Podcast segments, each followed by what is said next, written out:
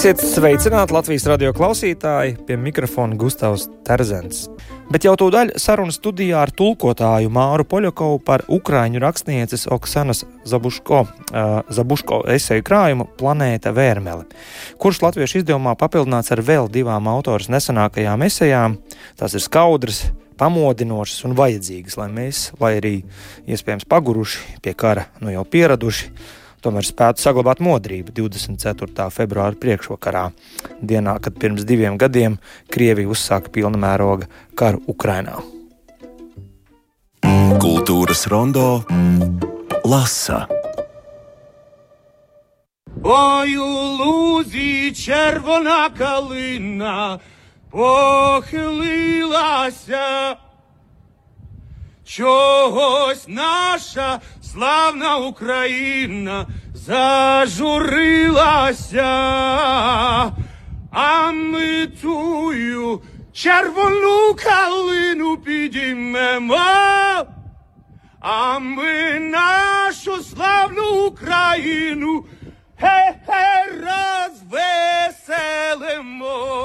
Labrīt, labrīt Māra! Labrīt, Gustav. Jā, un uh, saka, lūdzu, vai tu zini, kas dziedāja nu pat? Nē, es nezinu, es zinu dziesmu, bet es nezinu, kas dziedāja. Jā, tad, tad uh, radio klausītājiem atgādina, esam kopā ar tulkotāju Māru Poļakovu, un nu pat dzirdējām vienu uh, Ukraini, kurš uh, stāv kādā Kijevas baznīcas laukumā, viens pats, un šajā skaistajā balsī dzied, nu tagad jau par Ukrainas karavīru dziesmu uh, dēvēto Červonu. Červona kalina. Červona kalina, jā. Tev kā tulkotājai es varu jautāt, kā pareizi izrunāt. Un tas ir, kā var saprast, tas ir mm, Andrija Kļivņuka solā un Andrijs Kli... Hlivņuks. Hlivņuks. Un viņš ir uh, ukraiņu mūziķis. Mm. Un, uh, viņš ir iedziedājis šo dziesmu stāvot ar automātu rokā, jo viņš Karavīrs. arī karavīrs, jo arī viņš uh, līdzās citiem dziedātājiem, rakstniekiem, dejotājiem, dzēniekiem ir iestājies teritoriālās aizsardzības rindās savas zemes sardzē. Un nākamā nedēļa ir šis datums, un visu laiku jā, jāvalda sevi, kā mēs runājam par šo datumu. Mēs pieminam, mēs neko nesvinam, pasargdievs, jā, un kā, kā runāt par šiem diviem gadiem un ar kādām sajūtām un domām tu, Māra, e, e, nu, dzīvo un sagaidi šo dienu. Redz vārds sagaidīt, arī mēs negaidām. Jā, vai ne, mēs jā. negaidām, mēs uh, skumji un nomākti uh, lūkojamies uz to, ka ir pagājuši jau divi gadi, uh, un gals tam visam nav redzams. Un, un, un, un, un tas ir viss šausmīgākais un kaut kā. Nezinu, man, man nāk virsū mazdūšība, kurai es ļoti cītīgi pretojos. Uh, ar Žadana, Žadana izteikto domu viņam reiz intervijā jautāja, uh, vai viņš domā, ka Ukraina uzvarēs pirms gada vai pat pirms pusotra, pirms diezgan ilga laika. Žadana, dzē, dzē... Dzēniekam, jā, Serhijam Žadanam jautāja, jā. Un viņš teica, ka viņš, viņš nepieļauj citus variantus. Protams, Ukraina uzvarēs, nu, citādi viņš būtu kā peldētājs jūrā, kurš vairs netic, ka eksistē krasts. Ukrainas uzvara ir tāda pati konstanta kā, kā jūras krasta esamība, kad tu peldi jūrā. Es mēģinu tā par to domāt. Uh, lasot Oksana Zabuško uh, esejas, rodās tāda sajūta, ka viņa tā kā tāda liela, vēlīga, nogurusi, ievainota māte runā ar kaut kādiem nepaklausīgiem, dzirdēt negribošiem bērneļiem, studenteļiem, un viņai ir šis spēks un laiks un telpa sevī turpināt no esejas uz eseju, no esejas uz eseju, atkārtot. Tas, ko viņa saka, ārkārtīgi ir arī uzsvērts ievadvārdos šajā grāmatā, Planēta Vērmele, ka nav runa par atsevišķu karu vai nodarījumu, bet ir runa par šo milzīgo simtsgadu vektoru, kura ceļā tiek samalts viss, un kura ceļā esam arī mēs tagad pagadījušies. Saka, lūdzu, kā kopš tavas profesionālās darbības, es, es nezinu, es vienā sarakstā saskaitīju ap 190 grāmatām, kuras darbiem, kurus tu esi, tu, nu, literāru darbu, ko tu esi tulkojis. Nu, bet nevienā no šiem laikiem nav bijis tāds konteksts, kā šobrīd šos divus gadus, un nu, pat šī grāmata ir nākusi klajā. Nu, kā tev kā tulkotājiem pietiek spēka un, un tā spēja noturēties līdzsvarā, tulkot šīs esejas, šo konkrēto autoru? Mm, pienākuma apziņa. Mm, tas gan tagad izklausīsies šausmīgi augstprātīgi, bet kaut kādā mērā misijas apziņa. Uh, man, man vēl, ka neviens cits uh, manā vietā to neizdarīs. Neviens cits manā vietā neizstāstīs uh, uh, to, ko uh, Panisa Buško ir uh, rakstījusi un ko viņa ir izklāstījusi. Un tas, ir, tas man šķiet tik svarīgi, uh, viņas analīze, viņas skatījums.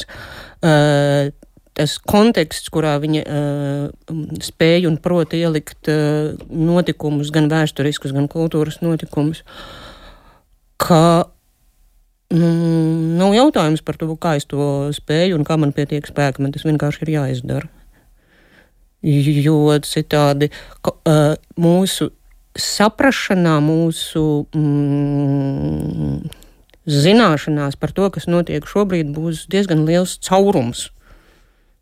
Lūk, bez, bez šiem Moksanas Zabuško tekstiem, bez, um, un bez, bez konteksta notikumiem ko viņi iedod savā, savā, savā, savās esejās. Un šeit noteikti jāpiebilst tas, ka katra esēja prasītu atsevišķu lekciju, tie tā blīvuma un kontekstuālā tā, tā, tās noslodzes, kas ir tekstā, bet, lai tas uh, nemulsinātu klausītāju, šie nav akadēmiski teksti, šie drīzāk ir teksti, kas mūsu vietā izdara milzīgu darbu, un lasot uh, Oksanas tekstu, ir sajūta, ka es pēkšņi uzzinu, ka es esmu tuvāk kaut kādai izpratnē, un lūk, um, latviešu izdevumā klāt ir nākusi uh, esēja viena no divām, kas nākus klāt, ko var mācīties no lielā blefa. Un man jāsaka, jā, ka, ka nu, es līdzīgi arī mēs pirms ētera ar, arī ar Māru runājām, ka mēs jūtamies tad, tā kā skolnieki jā, Oksanas klātbūtnē, un viņa esēju pabeidz ar tādiem vārdiem, kurus es gribētu nolasīt, jo mm, tas šķiet ir tāds tā kā kvintesence. Ja, ka, mm, ir cerība, ka tādu atskārtušo tagad kļūs vairāk, jo ceļu bumbām un tankiem vienmēr nolīdzina grāmatas, un pat labi esam kļuvuši atsliecinieki tam, kā miljonu likteni izšķir lasāmvielas izvēle. Pēdējais brīdis kārtīgi izrevidēt savus grāmatplauktus. Un šajā gadījumā viņas tekstos gan kritiku dabūna gan Brodskis, gan, gan Tolstojs, gan Dostojevskis, un sabiedrība nav nošķirta no šīs literatūras. Vai mēs spēsim Oksanas vadībā izrevidēt savus galvā esošos grāmatplānus? Es ļoti ceru.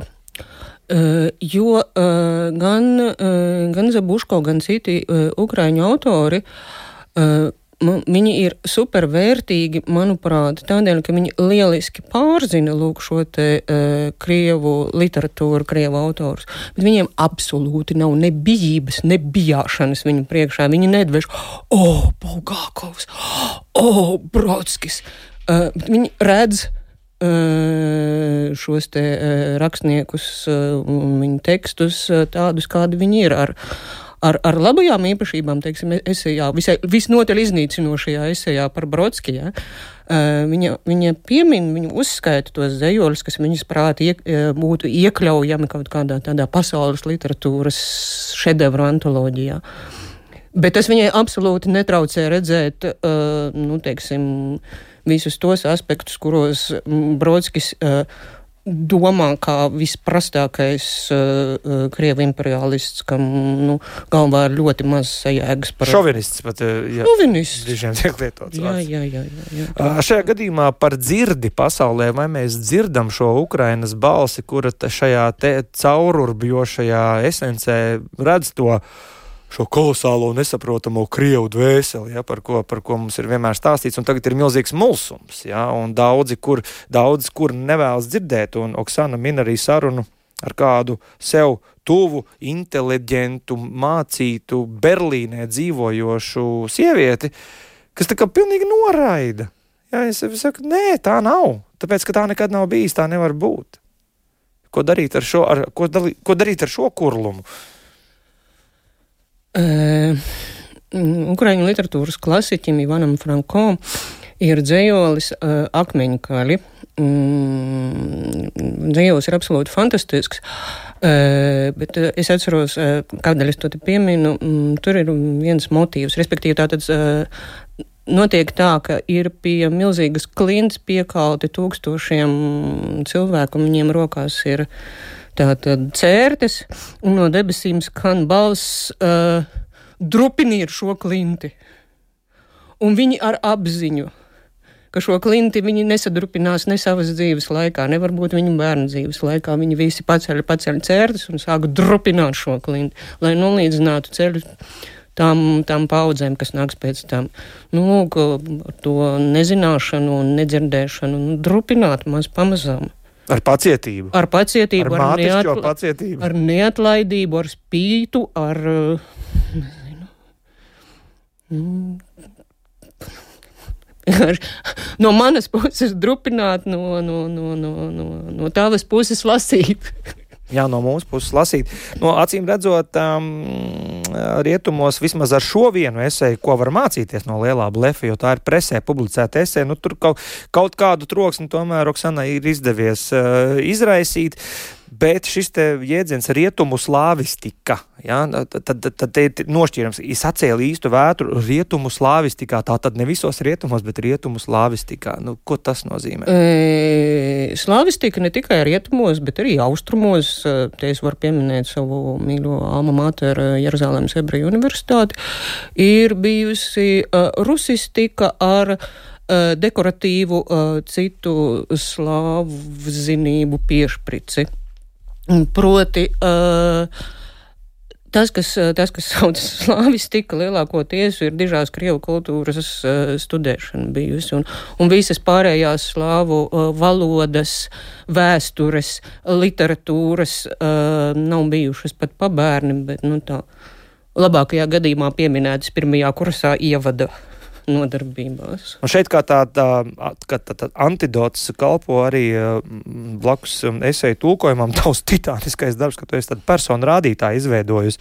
Uh, Oksanas darbos pieminētās personas cauri nu, tūkstošu gadēju Ukrainas kultūrā pat varētu teikt pareizi akcents, kas citur ir noklusēti. Ja, Krievijas uh, kultūras un mūsu mācību materiālos pilnīgi izslēgtas lietas šajā gadījumā. Tā ir tava iniciatīva, to personu rādītāju. Personu rādītājs bija mana iniciatīva, jo man bija sajūta, ka. Es nevaru atstāt šos vārdus vienkārši pieminētus, neparādot to kontekstu, kādā kādā, um, kādā ukrāņu lasītājs viņus zina. Normālā gadījumā man šausmīgi nepatīk ne tulkotāja piezīmes, ne, ne, ne kaut kādā, ne, ne kaut kā citādi papildināt tekstu ar. Uh, ar savu pēdiņās lielo gudrību, bet uh, normālā gadījumā uh, lasītājs sastapies uh, ar tekstā pieminētu, nu, teiksim, rakstnieku, politiķu vai vēl kaut ko, atver enciklopēdiju vai paskatās Wikipēdijā. Latviešu enciklopēdijās un latviešu Wikipēdijā mēs par, man liekas, par visiem šeit pieminētajiem neuzzinātu pilnīgi neko. Tā tad tā ķirurģija un ravēšana ir bijusi veiksmīga līdz šim, nu, pēdiņās, protams. Bet absolūti tieši tā.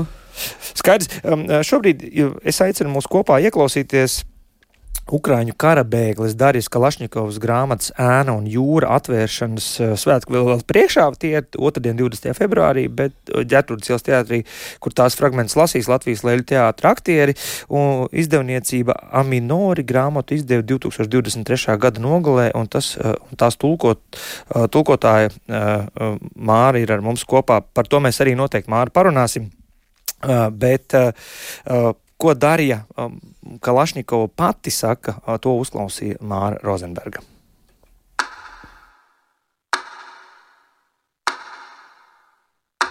February 24th, Day 1.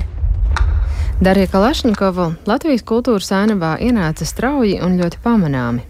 Uz Rīgu viņa pārcēlās pērn pavasarī, un jau vasarā lielu ievērību guva viņas performance Cik ilgi vēl, kurā Dārija līdz spēku izsīkumam atkārto sarežģītu vingrojumu, fonā skaitot dienas kopš kara sākuma.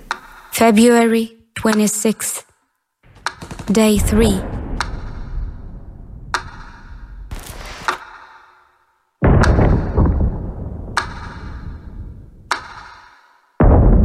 February 27th, day 4.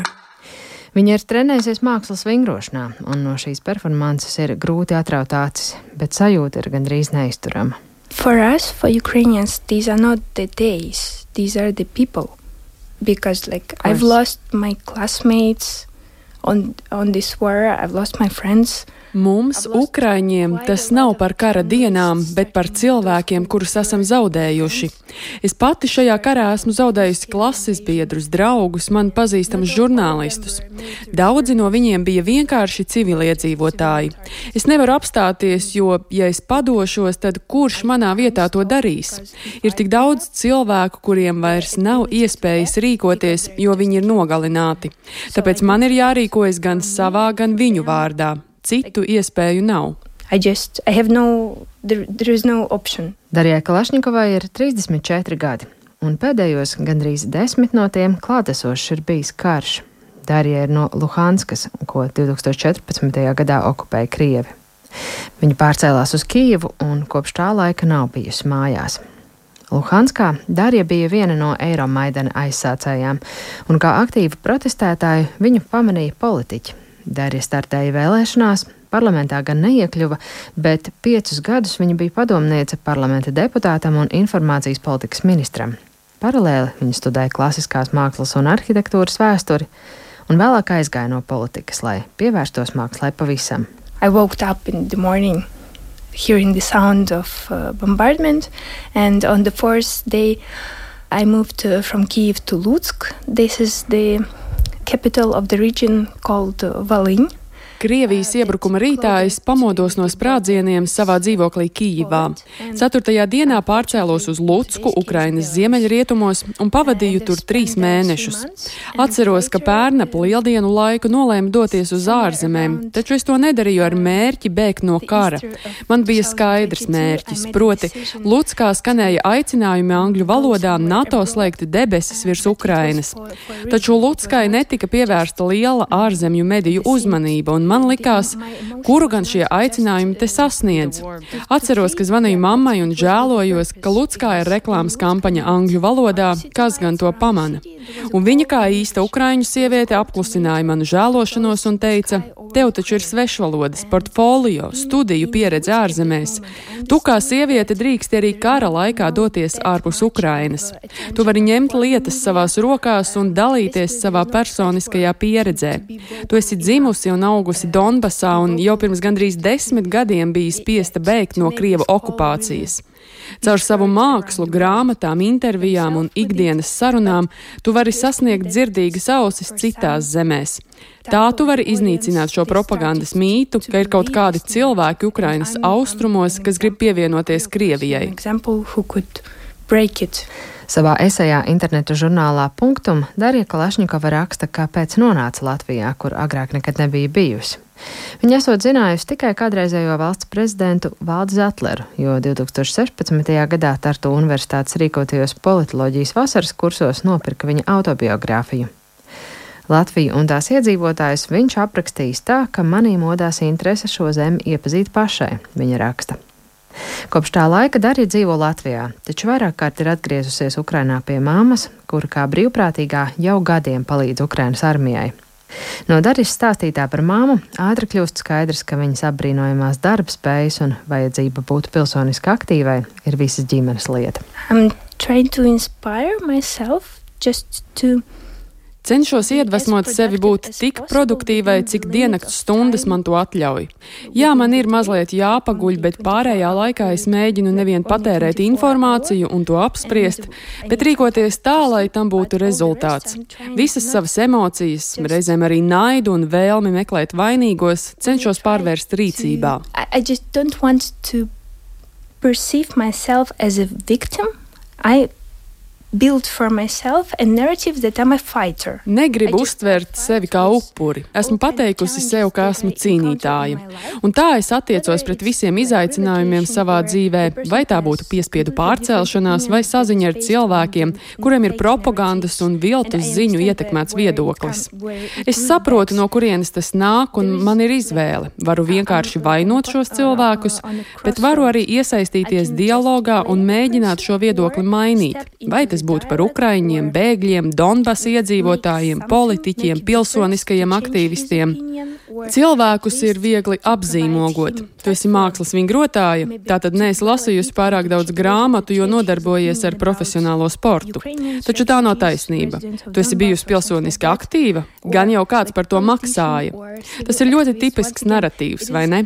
Bet nē, man par to nekad neviens nav maksājis. Es pelnu naudu ar savu darbu, tāpat ar politiku. Ja jau tu biji ministra padomniece, tad esi ar viņu saistīta. Nē, es tiku noliegta darbā, un man tā bija platforma, caur kuru īstenot savas idejas un panākt, ka tās sasniedz iespējami daudz cilvēku. Tāpat tu esi māksliniece, tad jau vienmēr ir kādi stereotipiski pieņēmumi. Nē, es esmu cilvēks, dzīva būtne, un tas ir visa pamats. Es esmu cilvēks, man pretī ir cilvēks, un tas mums ļauj veidot kopīgu pamatu dialogam. Pēc tam es varu dalīties ar savu pieredzi un dzīves stāstu, un varbūt otrs tajā saskatīs kaut ko pazīstamu vai iedvesmojošu. Bet es nepievēršu lielu uzmanību tam, ka dzīves laikā mainu kurpes, kurās atrodos. Es esmu cilvēks. Tā ir viena no lietām, par ko rakstu savā grāmatā. Ukraiņu zielas tās izskatās tāpat kā citi eiropieši. Vairumam no mums kara traumas nav acīm redzamas. Mēs esam jauni, runājam svešvalodās, valkājam tos pašus zīmolus, ko citur Eiropā. Taču mūsos ir šī kara trauma. Gribu iedvesmot citus ukrāņus, nevainot apkārtējos, ka viņi šo traumu nepamana, bet vienkārši pašiem par to skaļi runāt un skaidrot. Jā, es esmu ukrāņš, esmu piedzīvojis karu, ir lietas, kas mani traumē vairāk nekā jūs. Es varu baidīties no pērkona vai uguņošanas, un tam ir iemesls. Or thunderstorm, and it is obvious, and there is a reason behind of it. Noteikti aicinu jūs izmantot iespēju nonākt uh, Gertrūdas ielas teātrī un dzirdēt, kā uh, Latvijas leļu teātra aktieri lasīs Darijas Kalašņikovs grāmatas ēna un jūra fragmentus. Bet mēs tikmēr, tikmēr runājam ar tulkotāju Māru Paļakovu šeit, jā, un uh, tev kāds komentārs, Māra, varbūt ir par Darijas, Darijas uh, drosmīgo, drosmīgo un skaudro arī atgādinājumu. Darija ir, Darija ir milzīgs malacis. Šī ārkārtīgi trauslā jaunā sieviete, kas ir nolēmusi nebūt upuris un darīt visu, ko, kas ir viņas spēkos, lai, lai atgādinātu, lai stāstītu, lai, lai parādītu, lai pievērstu uzmanību. Es, es arī aicinu iet uz Gertrūdas ielas teātru otrdien, otrdien vakarā. Uh, paklausīties un, un patiesībā paskatīties uz Dariju, jo viņa ir brīnišķīga. Jā, saka, lūdzu, vai tev dzīvē ir arī Oksānu Zabuško satikt? Ja? Viņa pērnu rudeni bija Rīgā un mēs, mēs kopā dzeram kafiju.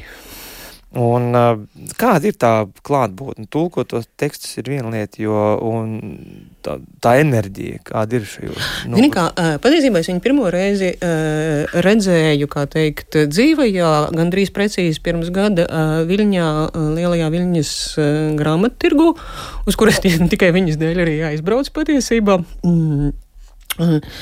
Viņa ir uh, arī sīka maza sieviete.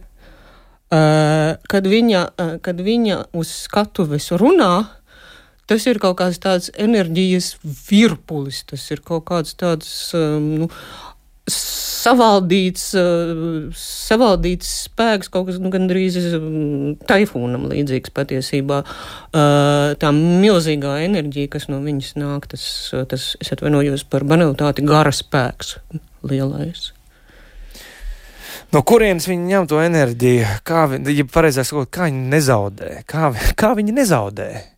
Un tad, tad turpināsim drupināt to akmeni, to klinti tumšo. Un, lai arī mm, Oksana Zabuško grāmata Planēta Vermeli ir kompilācija no vairākām esejām un aptver tā kā desmit gadi, to 14. gadu, to patieso īstenībā kara sākumu, bet to lielo vektoru aptver daudz senāka vēsture. Un um, redz to arī pati saki un pievērs uzmanību pāris uh, atsevišķām novelēm, kas ir jau varbūt par, par vēl senāku laiku, par padomu laiku, par, par 60. 70. 50. gadiem. Lūk, tu, tu, tu izcēli atsevišķu eseju Katerina jeb mēmā dumpja filozofija, konspekts neuzrakstītai biogrāfijai. Ja?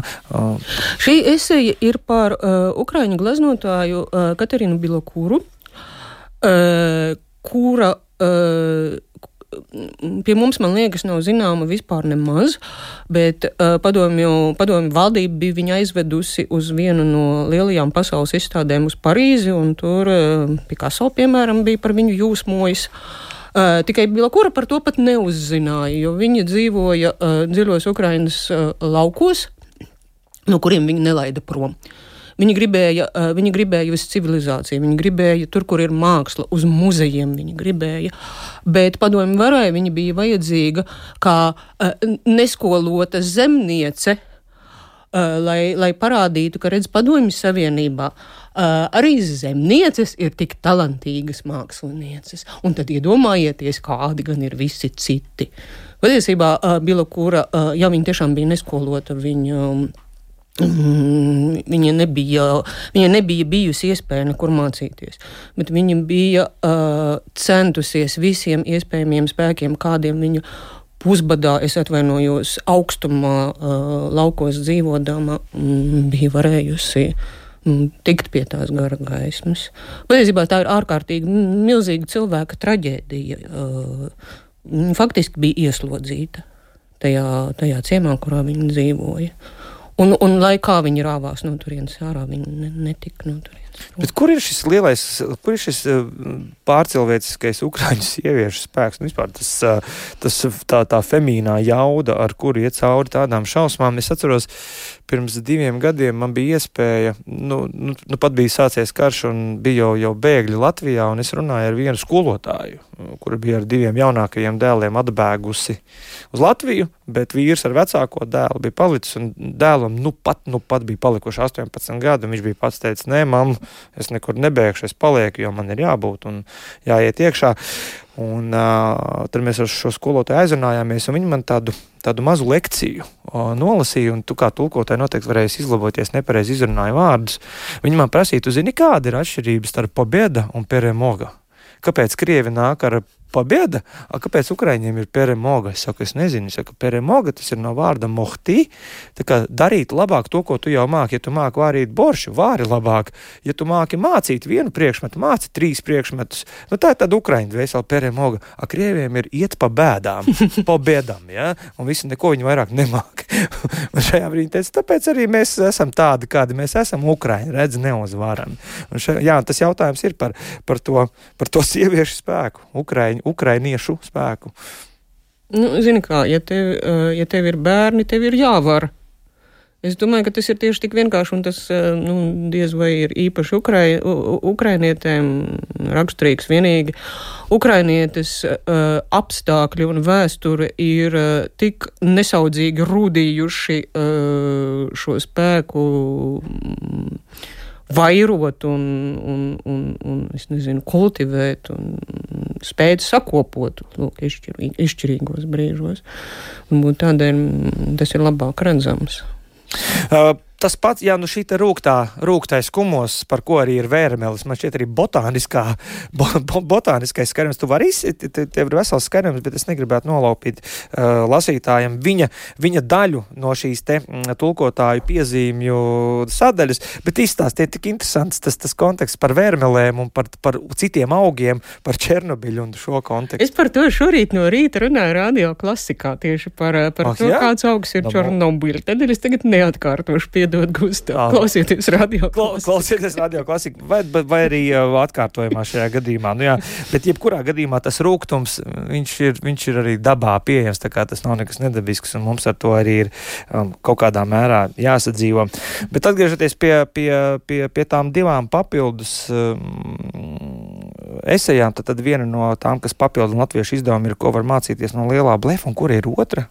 Mm, Parādi satura. Jā, lo, jā Mārcis, tad cits šodien izdevumu ir saņēmusi pirmo reizi rokās pati. Jā, uh, tā. Kas tad tur vēl bija no jaunā? Uh, simt vientulības gadi, jeb cik svarīgs ir storija. Tas, uh, tas ir klāt pielikts. Uh, principā uh, mm, bija tā, ka tad, kad uh, es izdomāju šo uh, Oksanas Zabuško esēju krājumu um, tulkot, tad man, man pirmā ideja bija, ka mēs paņemam gatavu uh, 20. gadā Kīvā izne, iznākušo uh, esēju izlasi, kur tieši tā arī sauc uh, Planēta Polina. Bet uh, Paneza Buško, kad, uh, kad viņai tika lūgta atļauja, viņa uztaisīja pati savu izlasi. Mm, pieliekot šo to klāt un šo to noņemot nost. Un šā tā, ko viņi noņēma nost, man, man ir žēl. Tur, piemēram, bija pilnīgi fantastiska uh, eseja oriģinālajā krājumā par uh, Sofiju Jablonisku, uh, ceļotāju, fotogrāfiju un rakstnieci. Viņa viena pati 20. gados uh, apceļoja Āfriku, tuvos austrumus, Ķīnu. Uh, nu, tāda mm, neparasta spilgta personība vēl tur ir par um, dižo um, valodnieku Juriju Ševeļovu. Viņai fantastiska esēja.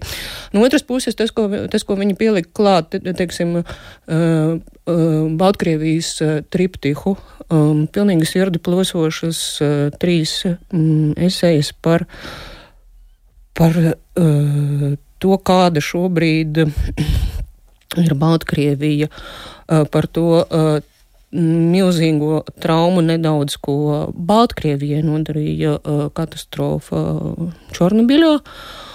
Un, un par uh, joprojām nīdēto, nīcināto un, un bendēto Baltkrievu valodu un kultūru. Man pašai, teiksim, tā pirmā, pirmā esēja no Baltkrievijas triptika bija viena no, no viss vissāpīgākajām kaut kā nu, ir sajūta, ka nu, gandrīz pa, pa dzīvu miesu šī Baltkrievu traģēdija trāpa.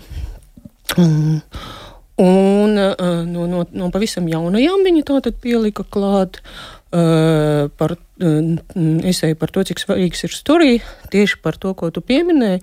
Uh, Ukraiņu stāsts līdz šim pasaulē nav izskanējis. Un tas beidzot ir jāizstāsta, un tam beidzot ir jāizskan.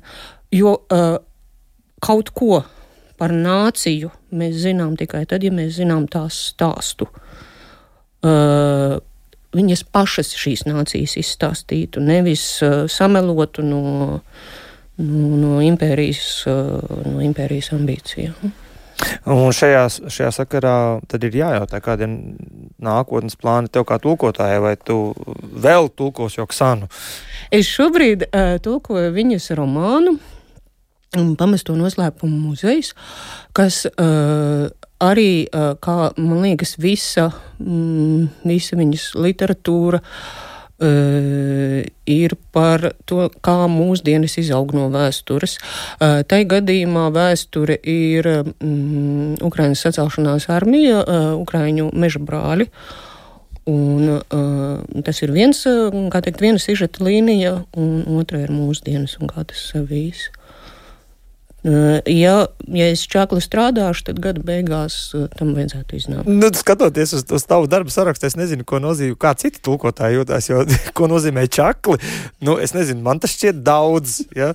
Izlasīt vienu grāmatu dažam liekas grūti, bet tu iztulko kādas 5, 6 gadā, ja? nu, tā, tā nomināli, vismaz galvā prātojot. Starp citu, jā, kā, kā tulkotājs plāno savu darbu? Kā kurš? Man ir plāns gadam, man ir plāns šim te gadam, kurā ir lielie darbi, kā, kā es to saucu, un mazie darbiņi. Lielie darbi, lūk, ir Paneza Buško romāns un jaunas ukraiņu rakstnieces Taņas Maļarčukas neliels romāns, nejauša brīnuma biogrāfija, pilnīgi brīnišķīgs. Un diezgan daudz mazo darbiņu, teiksim, Domu zīmes, man liekas, vasaras sākuma numurā būs jau pieminētā valodnieka Jurija Ševeļova esēja 4. Harkiva. Jo saprot, nu, mēs, mēs ziņās dzirdam, ka Harkiva kārtējo reizi ir apšaudīta, tur ir, tur ir upuri. Ko mēs zinām par šo Harkivu? Kāpēc, kāpēc Ukrainai tik drausmīgi sāp tas, ka kārtējo reizi ir apšaudīta Harkiva? Tas ir vēl viens neizstāstīts stāsts. Es, es mēģinu un mēģinu, bet Ševeļovs ar, ar, ar savu pilnīgi ģeniālo erudīciju, to, to noteikti izdara labāk. Tavs uzdevums tulkot, mūsu uzdevums lasīt, Oksanas uzdevums un pārējo ukraiņu autoru rakstīt un izturēt. Un izturēt. Peremohti. Jā, perem, kā? Peremohti. Peremohti. Māra, liels paldies! Un man bija, redz, man bija prieks redzēt tavu prieku, kā, kā tulkotājs redz pirmo reizi rokā paturot pats savu eksemplāru šajā gadījumā. Jā, un vēlreiz atgādinu, tātad 20. februārs ģetrūdas ielas teātris, Darijas Kalašņikovs grāmatas ēna un jūra fragmentu lasījumi, un, protams, tagad grāmatnīcās meklējiet Oksanas Zabuško planēta vērmeli. Paldies, Māra! Paldies, Gustav!